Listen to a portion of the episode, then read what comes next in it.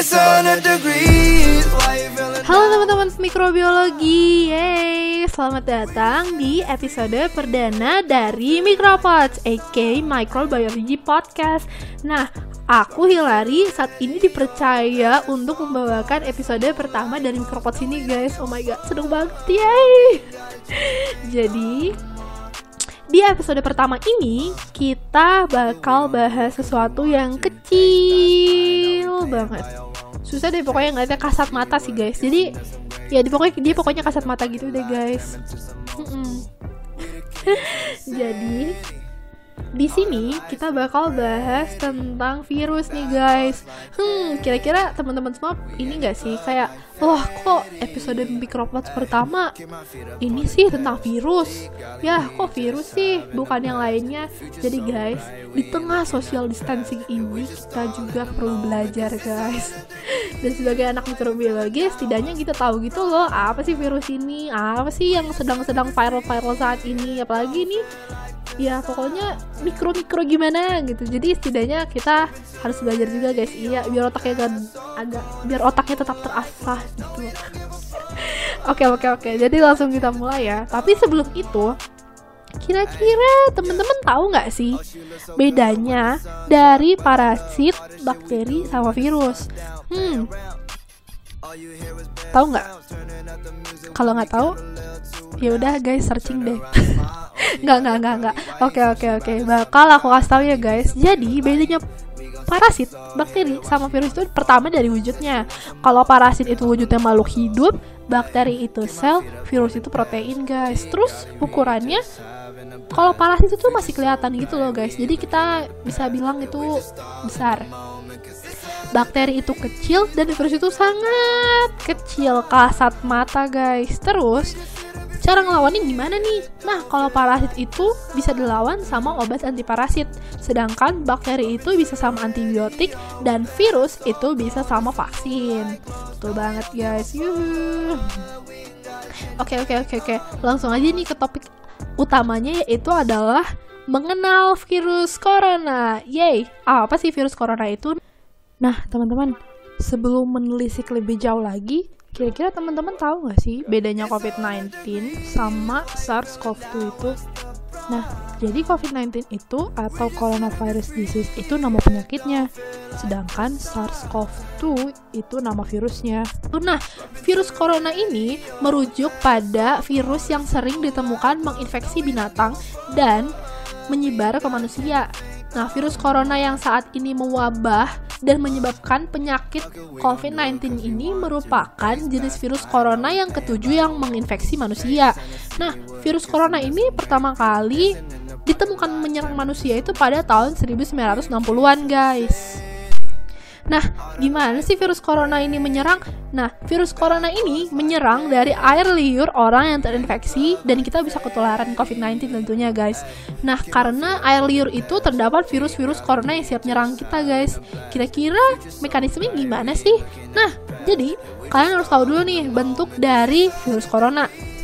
Nah, virus corona ini memiliki bentuk bulat kayak matahari gitu deh guys bentuknya. Kayak tahu gak sih kalau anak-anak TK tuh gambar matahari Nah kayak gitu tuh. Jadi bulat Terus ada kayak garis-garis Garis-garis gitu loh Yang buat nandain itu Wah mataharinya sedang bersinar. Nah tapi Di ujung-ujung garis itu tuh ada bulat-bulat Bulat-bulat gitu loh guys. Nah itu tuh disebut sebagai Dengan paku protein guys. Nah si paku protein ini Gunanya untuk nerobos. Nah setelah paku protein Itu ada perisai lemak. Nah perisai lemak tuh semacam Pelindung luar dari protein itu loh guys. Itu disebut dengan perisai lemak. Nah di dalam si perisai lemak lemak ini ada RNA tapi RNA-nya itu buat ngehacker gitu loh guys jadi kayak RNA-nya yang jahat gitu deh udah paham belum? Kalau udah paham, lanjut ya. Nah, jadi caranya si virus corona nyerang ini gimana sih? Nah, virus corona ini kan punya paku protein tuh. Nah, paku protein itu nangkap deretan protein ACE itu atau angiotensin converting enzyme tuh. Nah, itu tuh seperti sel sehat yang ada di dalam sistem pernafasan itu loh guys. Jadi Iya dia tuh si ACE2 ini tuh ada di sel sehat yang ada di sistem pernafasan. Nah, setelah itu kalau tubuh kita itu ibaratnya rumah dan virus corona itu ibaratnya perampok itu deh guys kita ibaratin kayak gitu ya. Nah, si AC itu ini itu gagang pintu rumah kita, um, pagar lah, pagar, pagar kayak gitu kayak pagar gitu. Habis itu, nah dari situ tuh si virus corona atau perampok ini tuh masuk nih ke dalam uh, ke rumah kita atau sel kita. Nah, dari sini nih guys sebenarnya dimulai aksinya. Nah, ketika si virus itu udah masuk, nanti virus itu bakal ngelepasin si RNA itu atau si hackernya itu. Nah, hackernya bebas, set. Lalu dia si nge akan ngehack si inti sel sehat kita guys untuk nipu sistem imun tubuh kita biar nggak nyerang si virusnya ini. Nah, dari situ akhirnya karena si imun kita udah tertipu, akhirnya dari situlah diproduksi nih cikal bakal jutaan virus corona baru. Nah, udah kayak gitu. Nah, si virus-virus yang sudah diproduksi ini akan terbentuk dan siap untuk menyebar lagi, guys. Gitu. Terus kira-kira berapa lama sih inkubasi corona itu? Nah, masa inkubasi corona itu 2 sampai 14 hari, teman-teman. Jadi, masa inkubasi ini adalah uh, saat pertama kali di mana si pasien ini tuh tertular virus gitu sehingga menunjukkan gejala awal. Nah, kira-kira siapa sih orang-orang yang bakal beresiko banget terkena corona? Nah, orang-orang yang bakal beresiko banget terkena corona adalah lansia berumur 70 tahun ke atas atau orang-orang yang memiliki riwayat penyakit lain seperti diabetes atau orang sakit jantung atau juga orang yang punya uh, riwayat sakit pernafasan. Nah, kira-kira penasaran gak sih? Um, kan kita tahu ya kalau misalnya corona ini tuh belum ketemu vaksinnya. Terus kira-kira udah ada yang sembuh gak sih? Bener banget guys. Ternyata udah ada yang sembuh dari virus corona ini. Nah, sampai pertengahan Maret kemarin itu tuh lebih dari 85.000 orang dari total 220.000 orang di seluruh dunia yang menderita corona itu sudah dinyatakan sembuh guys. Nah terus jumlah pasien yang bertambah sembuh setiap harinya itu ya bertambah gitu loh guys. Sorry. Uh, jumlah pasien yang sembuh setiap harinya itu pasti bertambah gitu loh guys. Puji Tuhan. Yeay terus WHO itu menyatakan kalau 80% pasien itu sembuh tanpa membutuhkan perawatan khusus guys gitu. Nah, terus teman-teman semua tahu nggak sih kalau misalnya coronavirus ini termasuk pandemi? Hmm, kira-kira teman-teman tahu nggak sih pandemi itu apa? Nah, pandemi ini merupakan virus tingkat dunia guys. Jadi dia tuh udah menyebar seluruh dunia gitu loh. Nah terus bedanya sama epidemi? Wabah sama endemi apa kak? Nah kalau misalnya epidemi itu itu tuh merupakan uh, penyakit tingkat antar negara gitu loh. Jadi kayak cuman ada di negara tersebut. Terus kalau misalnya wabah wabah itu merupakan penyakit tingkat daerah sampai negara. Jadi ya dia adanya cuman di negara sampai negara negara doang gitu loh guys. Dari daerah sampai negara gitu. Oh my god. Terus kalau endemi endemi itu merupakan penyakit tingkat daerah. So teman-teman semua jangan lupa ya bedain antara pandemi epidemi wabah sama endemi ya guys.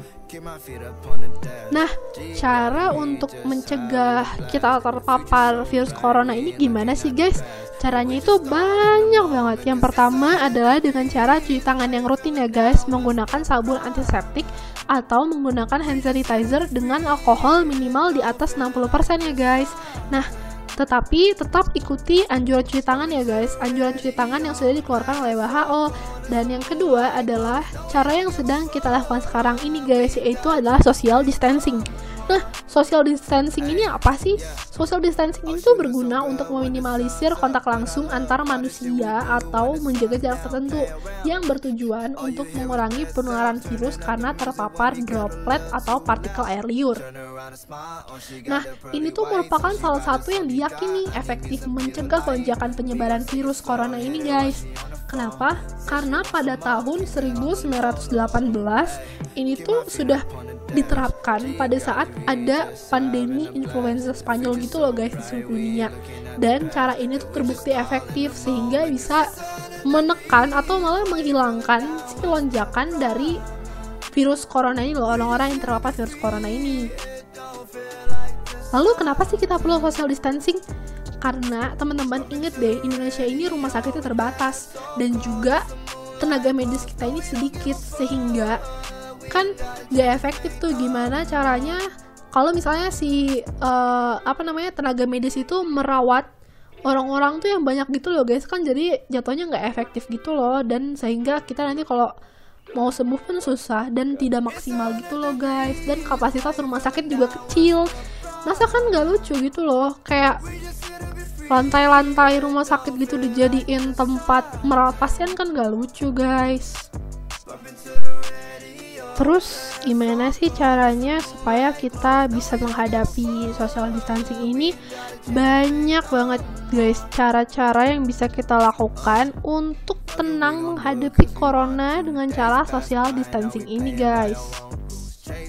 Nah, kalau misalnya kamu panik sama so, sama tentang corona ini, batasin penggunaan sosial media kalian ya guys. Kalau kalian gampang panik karena di sosial media ini tuh banyak banget gitu loh, kayak berita-berita hoax yang belum tentu benar. Boleh sih kalian buka, tapi kalian tuh harus pintar-pintar memilah informasi ya guys. Terus tetap tenang di rumah karena dunia ini belum akan berakhir guys. tapi jangan juga menggunakan social distancing ini sebagai sarana untuk main ya guys karena itu bukan mencegah guys itu malah merelakan diri kalian untuk kena gitu loh karena kan kita nggak tahu di luaran siapa aja yang kena benar ya ya. Terus jangan lupa juga uh, ngerjain tugasnya ya guys. Karena banyak banget tugas. Dan sekarang udah mau minggu-minggu UTS jadi pergunakan kuliah online kalian ini untuk belajar di rumah guys. Karena tau lah sama ini kita capek karena praktikum. Tapi kan sekarang praktikum lagi nggak ada nih guys. Jadi manfaatkan sebaik mungkin untuk belajar ya guys. Kalau bosan boleh banget tuh nonton nonton drama Korea atau nonton film-film atau nonton kartun apa atau apa pun itulah guys. Yang penting jangan keluar rumah. Di rumah aja ya guys So, sekian guys dari episode perdana Micropod ini guys. Uh, ternyata kita udah di akhir guys. Tapi tenang, masih ada episode-episode Micropod selanjutnya. So, teman-teman semua jangan lupa untuk dengerin episode-episode selanjutnya ya guys. Ditunggu aja kira-kira episode-episode selanjutnya ini tetap bakal bahas bahasan yang menarik nih guys. Nah, jangan lupa juga untuk tetap lakukan social distancing ya guys. Ingat di rumah aja kalau kalian nggak mau kena terpapar virus corona itu ya guys. Oh my god. Yeay, bye bye. Terima kasih teman-teman sudah mendengarkan.